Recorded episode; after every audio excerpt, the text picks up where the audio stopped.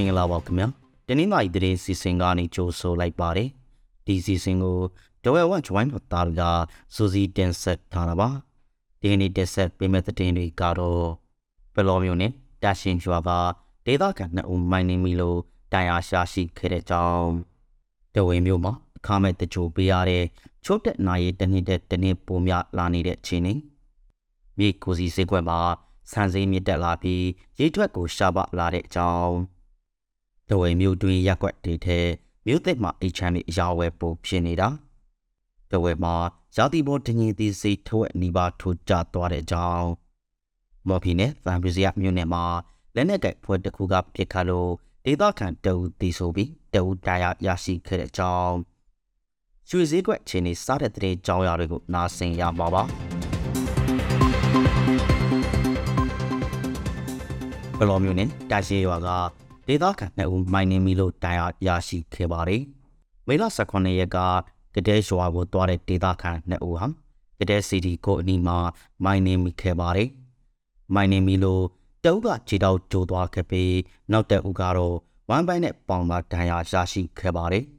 အဲ့ဒီမိုင်းကိုပြည်သူ့ကာကွယ်ရေးဖွဲ့ကထောင်ထားတာဖြစ်နိုင်တယ်လို့ဒေသခံတွေကပြောဆိုကြပေမဲ့တိကျအတိမပြုနိုင်သေးပါဘူးကတဲ့ကြီးရွာဟာ တိုက်ပွဲနဲ့နေမိရှုပ်ခံရမှုတွေကြောင့်ရွာလုံးကြော့ထွက်ပြေးနေကြရတာပါ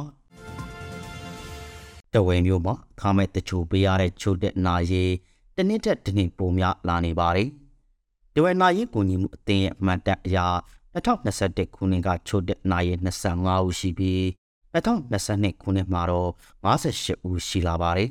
ဒီနှစ်မှာတော့လေးလာချောက်အတွင်းချို့တဲ့နာရီ16ဦးတချို့ပေးခဲ့ရတယ်လို့ဆိုပါတယ် တာမန်အလောင်းတလောင်းမိသက်ကြိုးဖို့အတွက်ကြက်9000လောက်ကိုကြစေရှိပါတယ်ချို့တဲ့နိုင်အများစုကတော့ဒေသခံမဟုတ်တဲ့ရွှေပြောင်းခြေချနေသူတွေနဲ့စိတ်ကြမ်းမာရင်မကောင်းတဲ့သူတွေဖြစ်တယ်လို့ဆိုပါတယ်ရေကိုစီစေကွဲမှာစံစည်းမြင့်တဲ့အားပြီးရေထွက်ကိုရှားပါနေပါတယ်ဧပြီလကိုပိုင်းက9000လောက်ရှိတဲ့စတန်ဒတ်ဆေးတို့မှာအခုဆိုရင်7000လောက်ကလာနေပါတယ်အလားတူ ရိုးရိုးပေါ်ဆံမွေအမျိုးအစားစတဲ့ဒီဟာလေကျ2000လောက်စီထပ်တက်လာပါတယ်။ရေထွက်ကိုစီးကွက်မှာတော့မိုးတိုက်ကြောင့်ငါးပါးတွေတွေရှာနာထားကြလို့ဈေးကွက်ထဲငါးပစော်ရှားပါနေပြီးဈေးတက်လာပါတယ်။ဒေတာတွင်စားသုံးမှုများတဲ့ပလာတူငါးဆိုရင်အရင်ကတပိတ်သာ9000ကျပ်ကနေအခု1000ကျပ်ဖြစ်နေပါပြီ။အလားတူပစော်ဈေးလည်းအမျိုးစားပေါမူတည်ပြီးတပိတ်သာကျပ်2000ကနေ9000အထိဈေးတက်လာပါတယ်။ တဝဲမျိုးတွေရက်ွက်တွေထဲမြို့တဲ့မှာအေချမ်းမြေရာဝဲပိုဖြစ်နေပါတယ်။တဝဲလေးမျိုးနဲ့တိုက်ပွဲတွေဖြစ်ပွားနေတာကြောင့်ဒေသခံတွေဟာမြို့ပေါ်ပြောင်းရွှေ့နေထိုင်ဖို့မြို့တဲ့ဘက်ကအေချမ်းမြေတွေကိုပိုစိတ်ဝင်စားလာကြတာပါ။မြို့တွေရက်ွက်တွေထဲမြို့တဲ့ကအေချမ်းမြေတွေစေးပိုသက်သားတဲ့ထင်ပြီးဝယ်ယူသူများလာလို့စိတ်နိုးလက်မြင့်တက်လာနေတယ်လို့ဆိုပါတယ်။ဒေသတွင်တည်ငြိတာအဆောက်ပစ္စည်းနဲ့လောအားခဈေးတက်တာတွေကြောင့်လည်း အသက်ဆောက်ပြီးအေတွေကိုမင်းများဝယ်ယူတာတွေပိုများလာတယ်လို့ဆိုပါတယ်။ငွေရင်းနိုင်သူတွေကမြို့သစ်ဘက်ကရှောင်းပတ်လှတဲ့အိတ်ချမ်းမြေတွေကြိုဝယ်ပြီးအမြတ်တဲတစိတ်ရောင်းချတာတွေလည်းရှိလာနေပါတယ်။တဝဲမှာရာသီပေါ်တင်းရင်သီးစီထက်ဝက်နီးပါးထိုးကျသွားပါတယ်။တင်းရင်သီးစပေါ်တဲ့မလာစံပိုက်ကကိုဘိုးအဝါနဲ့တပုံကိုကြက်တသောခွဲလောက်ပေါစီရှိပါတယ်။မေလနဲ့ပိုင်းမှာတော့ ထက်ဝက်နီးပါးစိတ်ထိုးကျသွားခဲ့ပြီးတဘိုးကို8500ကျလောက်ပဲရှိတော့တာပါမနစ်ကဒေတာတွေတညင်းသည့်အတွက်နေခဲ့လို့တဘိုးကျ1000လောက်အထိဈေးကောင်းရခဲ့ပါတယ်ဒီနေ့မှာတော့အထွက်များနေတာကြောင့်ဈေးကျတာဖြစ်တယ်လို့ဆိုပါတယ်